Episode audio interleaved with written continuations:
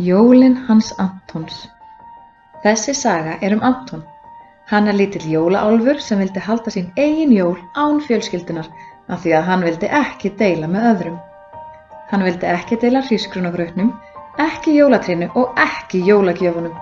En heldur þú að það hafi verið góð hugmynd hjá Antoni? 20. og 4. desember Mamma og pabbi eru önnum kafin við jólaundibúning þegar Anton kemur hlaupandi inn í eldhúsið. Þau hlaupa á móti honum og faðma hann að sér. En hvað það er gott að sjá þig, elsku Anton, segir mamma. Ég er svo ána með að þú hefur skipt um skoðun og vilt halda jólin með okkur. Já, ég líka, sagði Anton.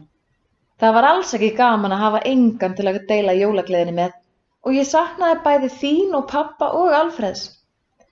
Gott að þú kemur til að hjálpa okkur að skreita, saði pappi. Við verðum öruglega mörg hér um jólin og ég held að bæði spörvarnir og hænurnar vilji vera með okkur. Húrra, hrópar Anton.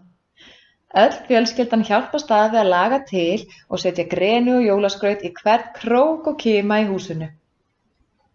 Allt er tilbúið og brátt streyma gestinir inn. Anton býður alla velkomna og hann brosir svo breitt að hann fær næstum verki í kinnarnar. Svona eiga jólin að vera.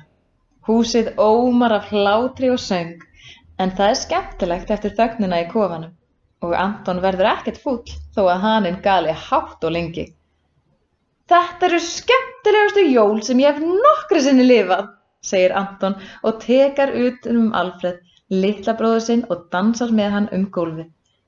Mamma og pappi horfa brosandi á. Gleðileg jól.